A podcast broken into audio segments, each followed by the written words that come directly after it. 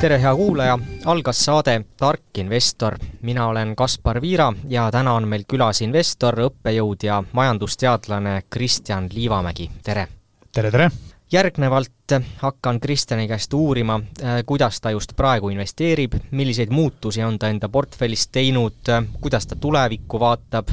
vaatame natuke peale ka Tallinna börsile ja siinsetele aktsiatele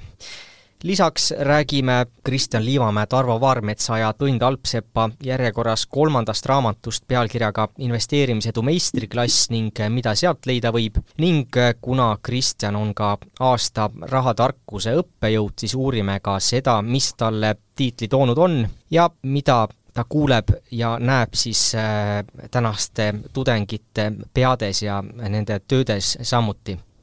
aga esmalt äh, natuke siis turgudest ka, et Tallinna börs aasta alguses tõusnud ligi viis protsenti, SB viissada, USA üks enim jälgitud indeks on kerkinud dollarites kaheksa, kaheksateist protsenti, Nasdaq sada tehnoloogiaindeks see on vist kõige enam figureerinud indeks, äh, kui äh, finantsmeediat vaadata, see on kerkinud aasta alguses nelikümmend üks protsenti, Euroopa suuremaid aktsiaid koondav Stoxx kuussada indeks on kerkinud ka ligi kaheksa protsenti ja vist tänavuse aasta üks enim räägitud aktsia, ma eeldan, Nvidia, kerkinud siis ligi kakssada kolmkümmend kaks protsenti aasta algusest äh, dollarites. Äh, kui nüüd äh, täna, mil meil on viies september, selline olukord turgudel kokku võtta, siis mis sina selle kohta ütleksid, ähm, oleme me kuskil pullituru alguses, ähm, majanduse poolelt tuleb ka natuke äh, murettekitavaid, aga teistpidi jälle ka mitte nii murettekitavaid signaale, keskpankade intressi äh, tõstete tippu oota-, oodatakse, et väga pa-, palju on iseenesest käimas, et ähm, kuivõrd õigustatud ka selline indeksite tõus on hetkel äh,? Sa lugesid ette võimsad äh, numbrid, äh, mis sellel aastal finantsturgudel on toimunud. Ja, ja kui puhtalt ainuüksi ilma konteksti vaatamata nendele numbritele peale vaadata, siis võiks öelda, et äh, käimas on korralik ralli, murepilvi ei tohikski olla ja pärituul on tugevalt tagant. Aga reaalsuses, kui me hakkame nüüd vaatama seda konteksti ja sisu, siis see pilt on minu hinnangul oluliselt keerulisem, komplekssem ja, ja seal taustal võib-olla kõik ei ole nii roosiline, kui ta esmapilgul äh, tundub. Äh, kui väga lihtsustatult finantsturgudele peale vaadata, siis jah, turuosaliste hinnangul ja, ja, ja tulemustest on näha, et finantsturud on päris palju tõusnud, kui me räägime nüüd Ameerika börsist ja tegelikult ka Euroopa börsidest mina ise olen pigem äh, tavaliselt äh, olukorras, kus eufooria muutub väga suureks, ise muutumas väga konservatiivseks. ehk siis, kui vaadata nüüd majanduse käekäiku nii Euroopas kui Ameerikas, siis ma olen nõus, et ootused olid võib-olla veel pessimistlikumad ja need kõige mustemad stsenaariumid ei ole täitunud. aga minu hinnangul siiski probleemid kuhugi kadunud ei ole ja selline ralli finantsturgudel äh, minu hinnangul äh, ei, on võib-olla natuke liiga optimistlik ja vaatab juba tulevikku väga niisuguse optimistliku äh, prisma läbi. nii et kokkuvõttes mina isiklikult seda optimismi ei jaga, mida, mida võib-olla enamus turuosalisi jagab ja sellest tulenevalt olen otsimas ja, ja teinud ka pigem äh, ütleme siis äh, teist tüüpi või teist laadi varaklassidega tehinguid äh, kui aktsiaturgud mhm. ja mis need äh, oleks, kuhu te ise enda raha paigutanud olete praegu? Jah, kui, kui veel aastal, ütleme kaks tuhat kakskümmend suvel ma hea meelega ostsin aktsiaid kokku ja, ja tegelikult ka aasta kaks tuhat kakskümmend üks suvel võtsin nii-öelda positsioone pangandussektori aktsiates ja, ja tegelikult ka tehnoloogiasektori aktsiates, siis nüüd ütleme, selle aasta ralli kontekstis ma neid positsioone suurendanud ei ole ja aktsiaid tegelikult olen väga minimaalselt juurde ostnud. Äh, küll aga olen mina suunanud äh, hiljutiste tehingutega siis raha erinevatesse võlakirjadesse, näiteks olen enda por-, äh, portfelli võtnud lisaks LHV AT1 võlakirjadele, mis maksavad üheksa pool ja kümme pool protsenti aastast intressi, olen võtnud Bigpanga ja nüüd siis märkisin ka Coop Panga AT1 võlakirju, mis maksavad siis kaheteist protsendist aastast intressi. Et minu hinnangul see nii-öelda riski-tulu suhe on minu jaoks atraktiivsem ja see instrument võib-olla sobib paremini ka portfelli kui, kui tänaste valuatsioonide ja hindade pealt siis äh, aktsiapositsioonide võtmine laiapõhjaliselt. kui minna natuke detaili rohkem sinna sisse, et mille alusel ähm, te vaatate seda, et turud on endast ette jooksnud, ähm, teil on kindlasti mingid indikaatorid, äh, kust teil see ette jookseb, see ei ole puhtalt niisugune kõhutunnetus Äh, jaa, noh, üksikettevõtte baasil muidugi äh, saab vaadata rahavoogusid, rahavoogude prognoose, äh, kapitali hinda ja nii edasi, aga nii-öelda niisuguses suures pildis ma siis vaatangi majandustsükleid ja, ja tegelikult võib-olla olulisem ongi siis, et millise on, millised on need erinevad indikaatorid, mis siis annavad signaali minule kui investorile majanduse tervise osas. ja noh, tegelikult kui täna vaadata Euroopat, siis Euroopas me näeme, et äh, majanduskasv on seal nulli lähedal, noh, erinevate ootuste kohaselt järgmine äh, kvartal võiks olla niisugune kerge miinus, sealt edasi kerge pluss, aga noh, sisuliselt me liigume külgsuunas. nüüd olukorras, kus äh, Euroopa Keskpanga baasintressimäärad on seal üle nelja protsendi ja käib jutt, et võib-olla septembris tuleb nüüd üks tõste veel, ehk see raha hind on aastaga muutunud väga palju kallimaks. Ettevõtte käekäik või ettevõtete käekäik on noh, niisugune olnud nii ja naa. aga minu hinnangul väljavaated ettevõtete rahavoogude ja tulevaste kasumite osas ei ole muutunud oluliselt optimistlikumaks. mis tähendab seda, et minu hinnangul äh, see hinnatõus ja ettevõtete nii-öelda see valuatsioonide erinevate suhtarvude baasilt on lihtsalt minu jaoks äh, natuke liiga kõrged. Või siis teistpidi sõnastades, alternatiivid on atraktiivsema riskitulu suhtega mainisite siin erinevate pankade AT1 äh, võlakirju, natuke lühidalt ka nendest rääkida. Ähm, veidik on nad rohkem esile kerkinud, varahaldurid on ka öelnud, et just sinnapoole rohkem ka vaadatakse. kui te natuke tutvustati, tutvustaksite AT1 võlakirja ma võib-olla jah, etteruttavalt ütleks siis ära, et see AT1 võlakiri on eelkõige mõeldud institutsionaalsele teadlikule investorile, kes saab selgelt aru nendest riskidest, mis selle võlakirjaga kaasnevad. Ja, ja kui nüüd võib-olla panna konteksti natuke need võlakirjad, siis ma võib-olla selgitaks selle suurema pildi ära ja siis iga investor saab ise mõelda, millises, milline instrument, millise riskitasemega temale võib-olla kõige paremini portfelli siis sobib et väga lihtsustatud või väga üldistatud võiks öelda, et finantsturgudel kehtib põhimõte, risk ja tulu käivad käsikäes. ei ole olemas riskivaba kõrge tootlusega instrumenti. mis tähendab seda, et selleks, et teenida kõrgemat tootlust, tuleb paratamatult võtta kõrgemat riski nüüd, kui me võtame panga, panga ette ja väga lihtsustatult võtame ette panga bilansi ja kohustuste poole, siis kuidas pank kaasab raha? Äh, esimene kiht või nii-öelda see kõige suurem kiht on tavaliselt äh, erinevad deposiidid, nõudmiseni hoiused. Või noh, väga lihtsustatult öeldes siis raha, mis võetakse klienti või raha, mis on siis äh, klientide poolt antud pangale. Kuni saja tuhande euro ulatuses Eestis on ka need riiklikult tagatud, mis tähendab seda, et tegemist on väga madala riskiga aga sellest tulenevalt ka deposiidi intress on suhteliselt madalam. noh, tänasel hetkel umbes aastane deposiit on niisugune neli, neli koma kakskümmend viis protsenti. nüüd, kui me lähme ja keerame sinna riski nii-öelda peale, siis järgmine kiht võiks olla näiteks LHV näitel äh, võlakirjad äh,, mis ei ole A1 võlakirjad, ehk siis need on erinevad võlakirjad, mis siis kapitalikihis äh, on madalamal tasemel kui kui deposiidid, aga nad ei ole sellise riskitasemega nagu näiteks omakapitali instrumendid. noh, sellist tüüpi võlakirjadel siis intress on mõnevõrra kõrgem kui deposiitidel, aga ka risk on kõrgem. ja noh, kui me lähme nüüd seal kapitalikihis edasi, siis me lõpuks jõuamegi omakapitalini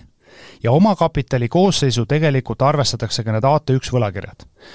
ja need AT1 võlakirjad tulenevalt sellest, et see risk on kõrgem, pakuvad ka kõrgemat tootlust. noh, näiteks viimane siis, mida LHV emiteeris, oli kümne koma viie protsendise aastase intressiga need AT1 võlakirjad.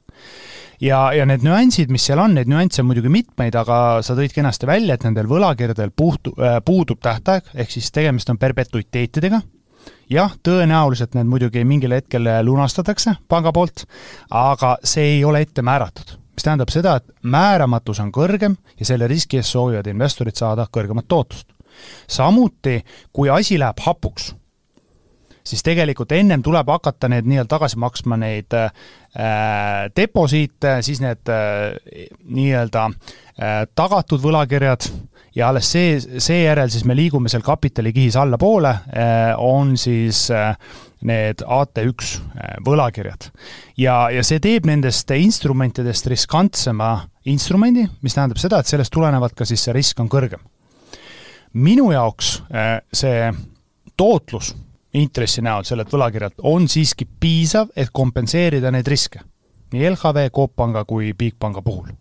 aga olen nõus, et see ei pruugi sobida kõikidele investoritele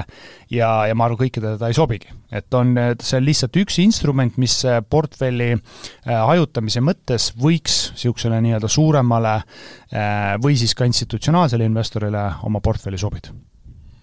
vaataks korraga äh, rohkem Tallinna börsi poole teie enda investeerimisettevõte KML Investi portfelli kuuluvad ka väiksemal, suuremal määral ehm, ka mõned aktsiad siit, Hepsor, Tallinna Kaubamaja, LHV Grupp, Tallinna Sadam, Enefit Green ka, nagu öeldud, mõnda rohkem, mõnda oluliselt vähem. aga kuidas, kuidas te siin Tallinna börsi peale vaatate ja ka mõnede nimetatud eh, ettevõtete poole, kas siin on ka atraktiivseid võimalusi või, või hetkel see on teie niisugusest huviorbiidist isegi väljas?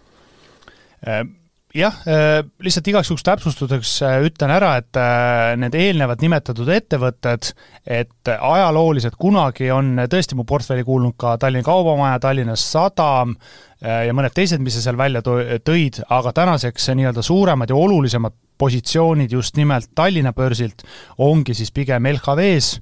Coop Pangas ja Enefit Greenis. et teisi positsioone kas ei ole või need on ebaoluliselt väga väikesed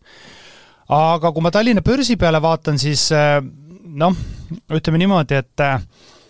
eks äh, finantsturgudel kehtib lihtne põhimõte, et see, kus, kus sul endal raha on mängus või oma nahk on mängus, et eks, eks see selgelt väljendab siis sinu arvamust, et sinu jaoks on atraktiivne. ja minu jaoks tänasel hetkel jätkuvalt finantssektor või pangandussektor on atraktiivne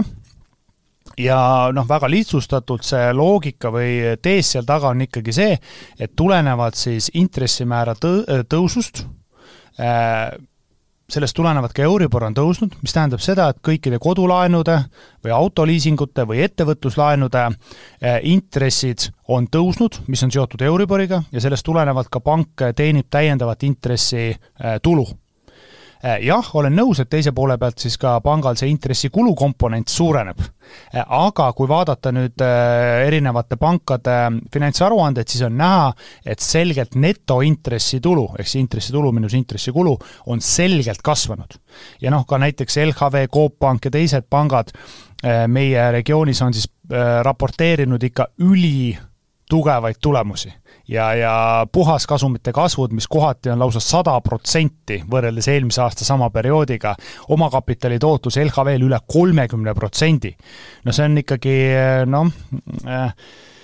ütleme siis niimoodi, et panganduse ja, ja pankurite niisugune kena roosa unenägu, millest on unistatud väga pikalt ja, ja nüüd on see hetk siis äh, käes. ja ja noh, minu hinnangul niikaua, kuni intressimäärad püsivad kõrgel või kas või sellel tasemel, kus nad praegu on, siis noh, tegelikult pankadele see on vesi nende veskile ja, ja me näeme seda ka selgelt finantstulemustes. Teie investeerimistegevuses, ähm, millise vaate te üldse olete võet-, võtnud äh, Euriborile ja Keskpanga tegevusele? prognoose on igasugu erinevaid, suuresti oodatakse järgmisel aastal et Keskpank hakkab intresse langetama, kuigi see tähtaeg on nüüd natuke edasi nihkunud, aga millega te ise arvestate? ma arvan, et Keskpanga tegevuses on oluline siis mõista, et Keskpangal on tegelikult üks ja oluline mandaat. see on nii Euroopa Keskpangal kui ka siis USA Föderaalreservil ja teistel keskpankadel. see on hinnastabiilsus, mis siis lihtsas maakeeles tähendab seda, et inflatsioon võiks olla seal kahe protsendi ringi pikaajaliselt, noh, pluss-miinus natukene noh, tänasel hetkel, kui me vaatame numbritele peale, siis ei Ameerikas ega ei Euroopas inflatsioon ei ole kahe protsendi lähedal. mis tähendab seda, et inflatsioon, mis on kõrgem kui Keskpanga poolt seatud eesmärk, paratamatult tähendab seda, et Keskpank on sunnitud hoidma intressimäärasid kõrgemal ja vajadusel veel tõstma neid noh, muidugi selge see, teine komponent, mida nad vaatavad, on siis äh, vähemalt Euroopas, on siis ka majanduskasv. noh, olukorras, kus täna ütleme, väga sügavat majanduslangust Euroopas ei ole, siis see ei ole nende jaoks prioriteet number üks. mis paratamatult tähendab seda, äh, vähemalt minu hinnangul, et need intressimäärad, mis praegu Euroopas on, ütleme niisugune neli koma kakskümmend viis protsenti, et äh, kui vaadata viimaseid Hispaania ja Saksamaa inflatsiooninumbreid, siis minu hinnangul on arvestatav tõenäosus, et septembris tõstab Euroopa Keskpank veel null koma kakskümmend viis protsendipunkti baasintressimäärasid, äh, mis siis muidugi noh, mõjutab selgelt ka Euribori. aga tõenäoliselt need tõsted on viimased või on juba tehtud viimased tõsted ära, mis tähendab seda, et et see baasintressimäär noh, me oleme väga selgelt tipu lähedal või juba tipu teinud. nüüd küsimus on, kui kaua see kestab noh, turuosalised ootavad, et järgmisel aastal võiks tulla esimesed intressimäära langetused. noh, minul kodulaenu omanikuna oleks ka muidugi selle üle väga hea meel. aga ajalugu on näidanud, et inflatsioon kipub olema püsivam ja kestma kauem kui seda võib-olla keskpankurid ja teised analüütikud ootavad. ja seda me tegelikult oleme ka juba näinud. nii et eh, mina isiklikult nii optimistlik ei ole selles osas, et nüüd intressimäärasid oluliselt hakatakse järgmisel aastal langetama, eh, ma usun, et pigem me näeme järgnevatel aastatel intressimäära nii-öelda niisugust külgsuunas liikumist. mõningane alandamine tunduks tänase teadmise põhjal loogiline, aga tõenäoliselt me liigume külgsuunas ja pikaajaliselt minu hinnangul võiks siis olla see intressimäära tase seal umbes kolme protsendi tasemel. ehk kõik need, kes ootavad nullintressimäärasid tagasi, noh, minu hinnangul see ajastu on läbi ja on väga ebatõenäoline, et me lähiajal eh, sellist keskkonda näeme uuriks natuke ka Tallinna börsi dividendiaktsiate kohta, neid on nüüd tänavu langust tabanud, Tallinna Vesi langenud ligi neliteist protsenti aasta algusest, Tallinna Sadam ka sama palju, Eften Real Estate on natuke väiksema langusega äh, pääsenud, nende aktsia on siis üks protsent umbes langenud, aga kas see on õigustatud? ja see on teie hinnangul loogiline, nagu ka öeldud, AT1 võlakirjad kas või teile endale toovad oluliselt kõrgemat intressi, kui äh, puhtalt dividendi pealt siit saada on? no ma arvan, et see, kas äh, see langus on õigustatud, see eelkõige tähendab seda, et me peame nende ettevõtete majandustulemustesse ja finantsnumbritesse sisse vaatama. Äh, noh, kuna siin ütleme, suvisel perioodil või enne suve maksid äh, nimetatud ettevõtted välja ka dividendid, siis on loogiline, et vähemalt selle dividendi väljamakse summa võrra äh, aktsia hind peaks korrigeeruma ja noh, seda ta on teinud. nüüd, kui mõelda natuke suuremas pildis, et äh, kas Tallinna Vee äritegevuses midagi on muutunud? no ma ütleks, et tulude poole pealt väga palju midagi muutunud ei ole, et see tariif on Konkurentsiametiga kooskõlastatud, kulud mõnevõrra võib-olla on tõusnud, tulenevad siis inflatsioonist, aga mis on tõusnud selgelt, on kapitali hind ehk ka Tallinna Vesi, kes kasutab laenuraha finantsvõimendusena,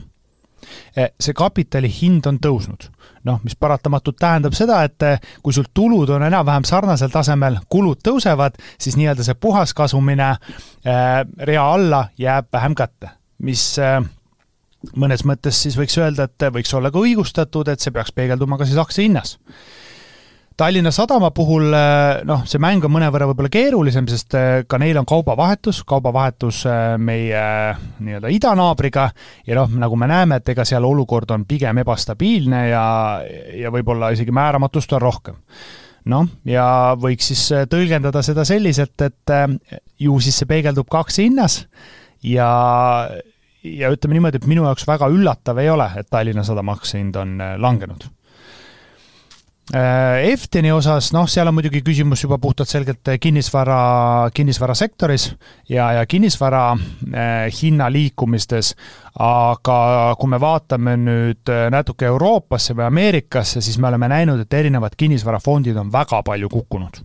ja põhjus on väga selge, et väljavaade nende ettevõtete äritegevusele, rahavoogudele ja puhaskasumile on selgelt muutunud negatiivsemaks, kui see veel võib-olla aasta või poolteist tagasi oli. sest kapitali hind on läinud oluliselt kallimaks nii et ma isegi ütleks niimoodi, et Efteni puhul äh, minu jaoks, olles ka ise Efteni äh, nii-öelda väike aktsionär, äh, minu jaoks on olnud mõnevõrra üllatav,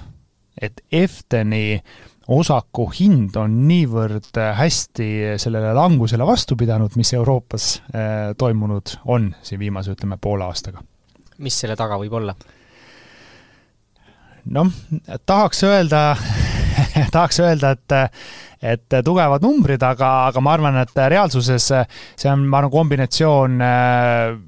kombinatsioon siis võib-olla investeerimispsühholoogiast, Tallinna börsi eripäradest, aga ka siis investorite usust Efteni juhtimisse ja, ja tegelikult ka Efteni tugev investeerimisportfell või, või head objektid, mis on sinna ostetud ja mis tegelikult ka keerulisel ajal peavad võib-olla mõnevõrra paremini siis selle turuolukorrale vastu.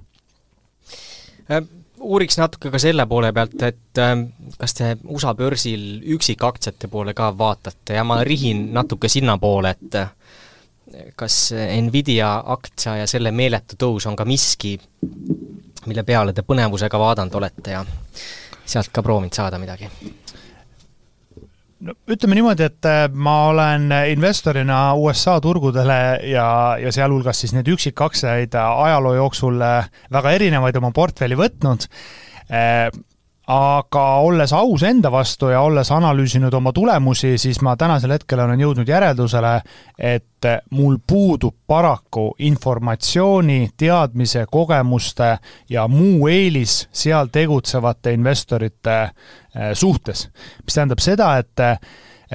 ettevõtte õiglase väärtuse analüüsimine USA turul üksikaktsia baasil minu jaoks on niisugune ebamõistlik tegevus ja, või õigemini see ei too mulle ülemäärast äh, tootlust.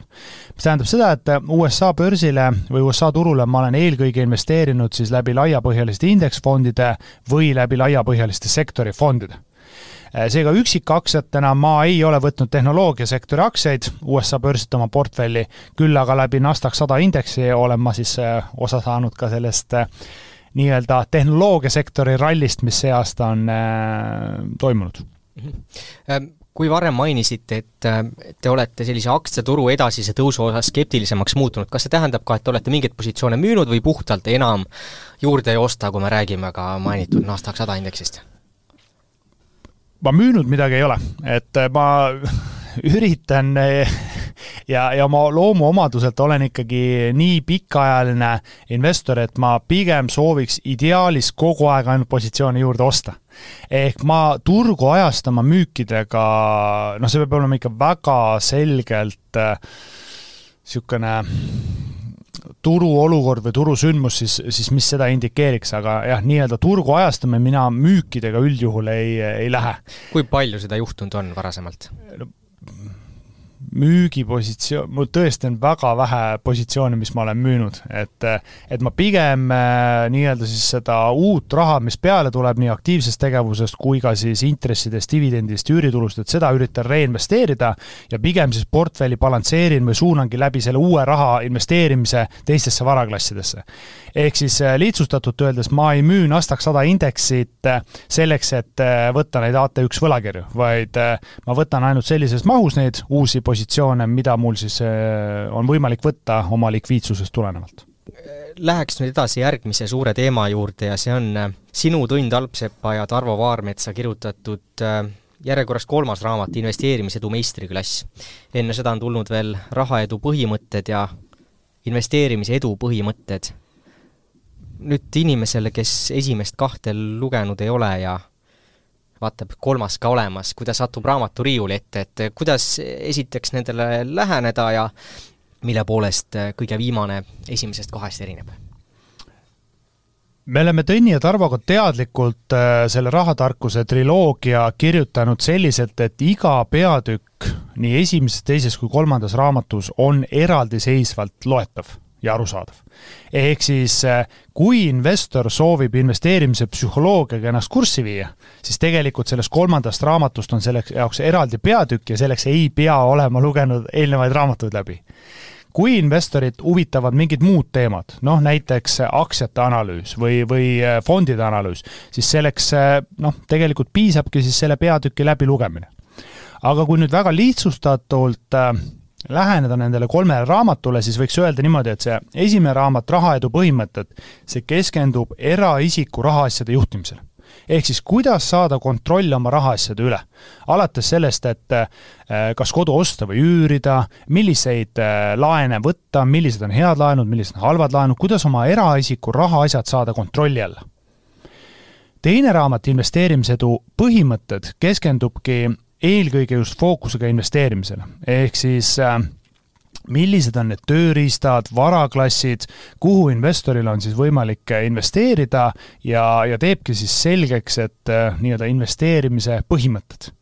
nüüd investeerimisedu meistriklass oma olemuselt on äh, suunatud juba tegutsevale investorile. et kui investeerimisedu põhimõtted, see teine raamat on pigem alustavale investorile, siis investeerimisedu meistriklass on selgelt suunatud juba tegutsevale investorile, kes soovib oma tehinguid parandada, võtta oma portfelli täiendavaid instrumente, sest investeerimisedu meistriklassi raamatus me räägime lisaks siis investeerimise psühholoogiale näiteks fondide analüüsimisest, tuletisinstrumentidest, optsioonidest, krüptovarast, iduettevõtetest ja investeerimisportfelli kui terviku juhtimisest et see on selgelt äh, ikkagi niisugune fookus äh, ja suund juba olemasoleva portfelli nii-öelda edukamaks äh, juhtimiseks. nüüd inimene, kes loeb selle triloogia otsast lõpuni läbi, rakendab kõik need põhimõtted, kas võib öelda, et tal on siis enda sellisel rahalisel edul tugev vundament olemas ja, ja teie niisugused kontsentreeritud teadmised on siin kõik olemas? Ma ütleks, sa nimetasid väga kenasti, et just nimelt rakendab neid põhimõtteid. ma arvan, et ükskõik, mis raamatu läbilugemisest jääb väheks, vahet ei ole, kui hea see raamat on. kõige kriitilisem tegur ongi nende põhimõtete rakendamine.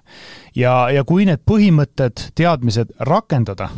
oma eraisiku rahaasjade juhtimises või investeerimise eh, portfelli ülesehitamisel, siis eh, mina isiklikult usun küll, et nendest teadmistest on investoritele abi. Eh, nad ei pea tegema neid vigu läbi, loodetavasti, mida meie tegime, neil on võimalik sellel teekonnal siis kiiremini liikuda ja, ja teadlikumalt liikuda. millised teemad sulle endale kõige meelepärasemad või südamelähedasemad on, kui mõelda nüüd selle triloogia peale, mis on see, milles sina oled ise võib-olla kõige rohkem sellist mitte nüüd abi saanud, aga, aga noh, aga noh, mingid reeglid, mille juurde sa ikka ja jälle tagasi tuled? Minu jaoks personaalselt vaieldamatult kõige põnevam teema on ikkagi investeerimise psühholoogia ja, ja nii-öelda siis kombineeritud niisuguse käitumusliku rahandusega. ja, ja põhjus on väga lihtne, et äh, kui mina alustasin investeerimist aastal kaks tuhat kuus, siis tegelikult äh, see finantskriis, mis seal siis tuli, kaks tuhat kaheksa, üheksa, kümme, see ikkagi väga palju õpetas mulle niisugust investeerimise psühholoogia olulisust ja need õppetunnid, mis seal tulid, et noh, Ekspress Grupiga miinus üheksakümmend protsenti ja, ja nii edasi, et äh, need on kuidagi nii no eks need on nii valusalt jäänud meelde, et need on need tegurid, mis on mind motiveerinud lahti mõtestama ja mõistma iseennast. miks ma tegin neid tehinguid, nagu ma tegin, mis seal toimus ja enamus nende tehingute sisust, vähemalt sellel ajal, on seotud tegelikult psühholoogiaga see, mis mul peas toimus. numbritega on seal väga vähe pistmist. ja, ja minu jaoks vaieldamatult see inimloomuse mõistmine ja, ja lahti mõtestamine finantsturgude kontekstis, see on noh, minu jaoks on kõige põnevam teema üldse. et ma olen selle teemal kirjutanud ka doktoritöö ja, ja kuna inimloomus on nii keeruline, siis ma ütleks, et noh, tõenäoliselt ma äh, uurin seda teemat äh, surmani ja, ja alles siis võib-olla mõistan väga väikest osa sellest. triloogia on nüüd valmis kas teil varus on veel midagi, äh, tuleb teilt kolmelt või siis Äh, eraldi veel äh, või igalt ühelt eraldi veel äh, raamatuid veel? minul isiklikult ma ütlen ausalt, et natukeseks ajaks on kirjutamisest küll juba kõrini et äh, minul hetkel ühtegi äh, nii-öelda käsikirja sahtlisse kirjutatud ei ole ja ei plaani seda ka lähiajal teha. et äh, hea meelega võtan väikese hingetõmbepausi ja, ja kui tunnen, et äh, midagi uut on nii-öelda äh, Äh, mõttes, siis, siis võib-olla kunagi tulevikus, aga hetkel ma tunnen küll, et mina isiklikult kirjutasin nii-öelda ennast tühjaks ära ja mul on hea meel ja rohkem kirjutamise peale mõelda ei taha. kui pikk töö see teie jaoks olnud on? Äh, see on neli aastat. et äh, tegelikult äh, sellest hetkest alates, kui see mõte tuli ja esimesed sõnad paberi peale läksid või noh, Wordi siis, umbes neli aastat. nii et see on olnud tegelikult väga pikk protsess ja minu jaoks oli väga üllatav ikka, kui keeruline on see ja mitmetahuline on see raamatu kirjastamise protsess, et see kirjutamise osa on seal võib-olla noh, ma ütleks niisugune kakskümmend viis protsenti, äkki kolmkümmend protsenti, et eh, seal seda, seda muud asja ümber on ikka väga palju ja see on üpris keeruline.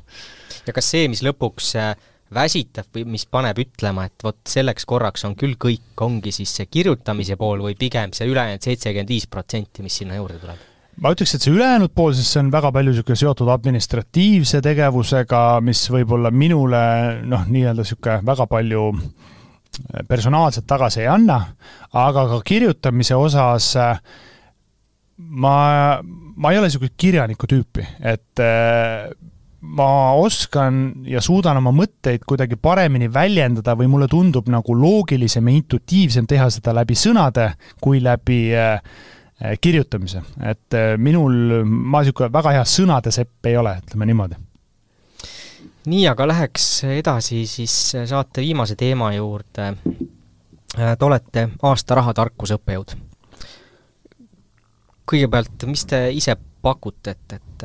mis teile selle tiitli toonud on? see on väga hea küsimus, seda peaks küsima siis Rahandusministeeriumi, Eesti Panga Finantsinspektsiooni ja Pangaliidu käest, kes siis selle, selle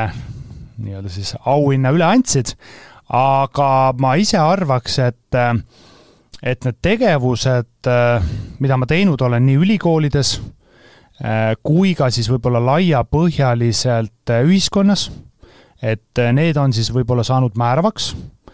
ja, ja kui minna nii-öelda konkreetsete tegevuste juurde, siis äh, noh, igal aastal ma õpetan Tallinna Tehnikaülikoolis ja Eesti Ettevõtluskõrgkoolis Mainor ligi tuhandele õpilasele erinevaid äh, rahanduse investeerimisalaseid aineid. Äh, lisaks ka Rocca al Mare koolis gümnasistidele annan eraisiku rahanduse kursust ja, ja ma arvan, laiapõhjaliselt võib-olla siis ongi, et erinevad rahatarkuse raamatud, aga, aga, aga ka näiteks äh, Rahareede podcast, äh, mis siis äh, on väga hästi kuulajate poolt vastu võetud ning võib-olla niisugused üldised mõtteavaldused siis meedias ja ajakirjanduses on, on need, mis siis kuidagi on inimestele korda läinud ja, ja kõnetavad, et mis teile sealt vastu kumab, kui te suhtlete gümnaasiumiõpilastega, suhtlete tudengitega, kui võttagi kõigepealt see üldine niisugune äh, rahatarkus, äh, sinna alla saab hästi palju asju panna, aga milline üldine tase paistab olevat?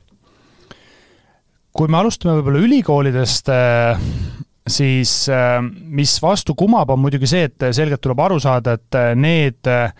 inimesed, kes jõuavad juba ülikooli, on selgelt äh, mingisugune valim teatud ühiskonnast, et äh, see ei ole võib-olla niisugune väga hea läbilõige kogu ühiskonnast. aga need tudengid, kellega siis mina suhtlen ja läbi käin, et seal tegelikult on väga lai ampluaa nendest, et seal ei ole ainult majandustudengeid, vaid pigem seal on ka insenere ja, ja kõikide erialade esinejaid, esindajaid, äh, siis mis kuvab läbi, on see, et on grupp tudengeid või inimesi, kes väga selgelt, väga teadlikult juhivad oma finantse. ja arvestatav osa või enamus tegelikult ei ole kas sellega tegelenud, ei pea seda vajalikuks või neile tuleb väga suure üllatusega, äh, üllatusena mingisugused baasteadmised. et äh, mis omakorda tähendabki, et päris suur huvi nende äh, eraisiku rahanduse kursuste vastu on olemas, sellepärast et mingil põhjusel äh, inimesed, kes lähevad nüüd iseseisvasse ellu, neil on väga selged lüngad. noh, näiteks minu jaoks on väga üllatav, et kodulaenu võtmise protsessi ei ole kuskil õppesüsteemis lahti selgitatud varem. kas või elementaarselt äh, intressiarvutust äh,, efektiivse intressiarvutust näiteks äh, matemaatikatunnis. ja, ja, ja minu jaoks tekibki võib-olla väga suur murekoht on see, et äh, õpilased, kes tulevad gümnaasiumist, teavad väga hästi, äh, kuidas äh, võtta tuletist, kuidas arvutada mingisuguseid rombi, äh, ma ei tea, igasuguseid valemeid seal, aga nad ei oska elementaarseid niisuguseid rahandusalaseid või neil puuduvad elementaarsed rahandusalased teadmised, millega elus päriselt hakkama saada, mis mõjutavad nende igapäevaelu arvutused näiteks, et kas, äh, kas korterit või kodu siis osta või üürida, mis on need tegurid, millega ma peaksin arvestama, et selles osas on ikkagi väga suured puudused, aga mul on hea meel, et üha rohkem tudengeid, üha rohkem õpilasi selle vastu huvi tunneb, mis näitab selgelt, et see teema on neile oluline. nii et äh,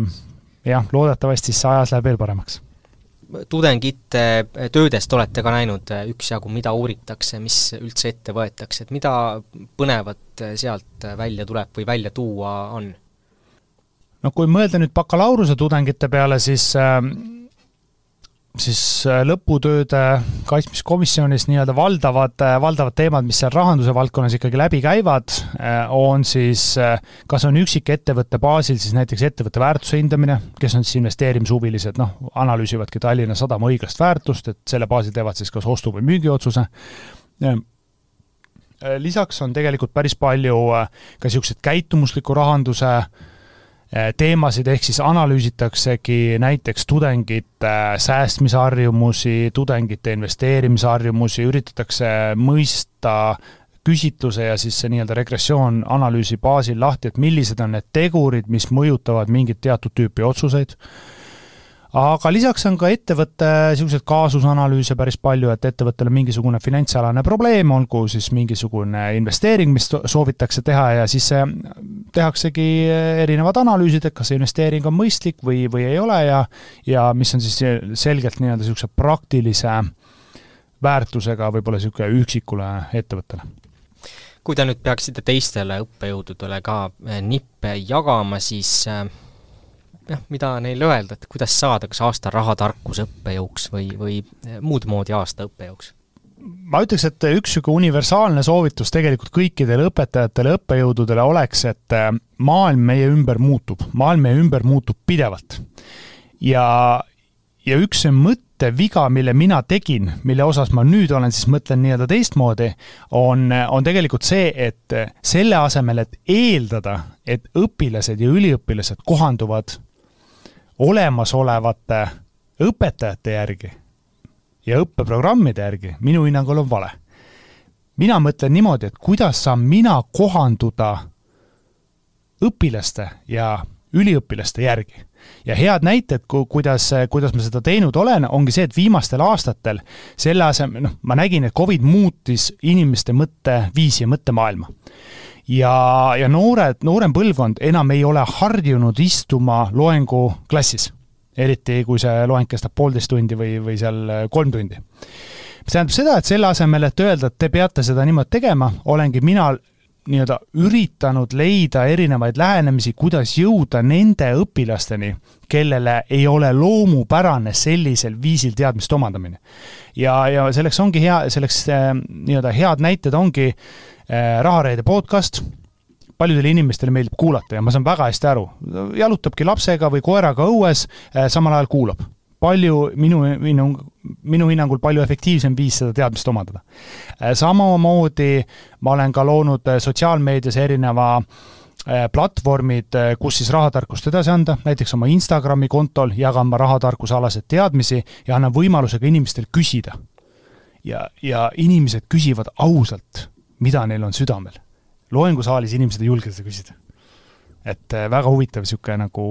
sotsiaalne tähelepanek. mis on see, mida küsitakse,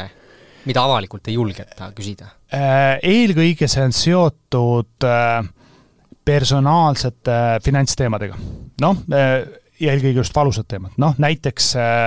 teemad, mis puudutavad suhteid, rahasuhteid a la kaaslasega, kas ma, kas me peaksime tegema ühise perekonto, äh, mis on need plussid, mis on miinused, kuidas küsida töötasu juurde, kas vahetada erialaselt karjääri ja, ja muidugi ka rasked teemad, et kuidas siis varasuhteid reguleerida lahkumineku ajal. Ja täitsa arusaadavalt ma saan aru, miks saja inimese ees ei soovita neid teemasid küsida korra mainisite samuti seda, et äh, rahatarkusega mõned pea, mõned baasteadmised on äh, üllatusena paljudel inimestel puudu, kui siin ka tuua välja mõned põhilised asjad äkki, mis sina leiad, et äh, peaksid igal inimesel kindlasti teadmisena olemas olema, mis need oleksid? Üks asi on see, mis mina arvan, teine asi on see, mis ma näen, et mis inimestel võib-olla puudu on või mis tekitab kõige suuremaid probleeme ja ja minu soovitus oleks ikkagi see, et ennem kui hakata kasutama erinevaid finantstooteid ja eelkõige just laenutooteid, on ülioluline endale selgeks teha nende toodete sisu. sest see on peamine mureallikas, mis võib viia olukorda, kust enam sul tagasiteed väga lihtsalt ei ole. ja siin ma peangi siin silmas eelkõige siis erinevaid Äh, noh, näiteks äh, tarbimislaene või, või muid laenutooteid, millel on väga kõrge krediidikulukuse määr. ja noh, siinkohal siis tasubki küsida, et kas mul on päriselt seda toodet või teenust vaja. või see on lihtsalt mulle niisugune emotsiooni ost. ja, ja mõtte, mõtteviis, mis äh, ma olen näinud, et paljusid aitab, ongi see, et, et noh, kui sa tahad osta endale uut ütleme näiteks nutitelefoni siis küsige endalt, et mitu tundi tööd ma pean selleks tegema, et seda noh, näiteks iPhone'i osta endale. ja kui vastus on, et ma pean tegema kakskümmend tundi tööd lisaks, et see iPhone endale osta, siis kas sa päriselt tahad teha kakskümmend tundi tööd? Eh, ma saan aru, et erinevate järelmaksudega on see protsess muudetud mõnevõrra nii-öelda lihtsamaks, aga see olemus tegelikult ei muutu, sellepärast et nüüd lisaks sellele eh, põhisummale tuleb maksta ka väga kõrgeid intresse, mis tähendab seda, et tegelikult selle iPhone'i eest sa töötad võib-olla nüüd hoopis kolmkümmend tundi. selle soovituse peale ongi nüüd paslik otsad eh, kokku tõmmata, külas oli meil Kristjan Liivamägi, investor, õppejõud ja majandusteadlane ja mina olin Kaspar Viira, aitäh kuulamast ja soovin edukaid investeeringuid! aitäh kutsumast!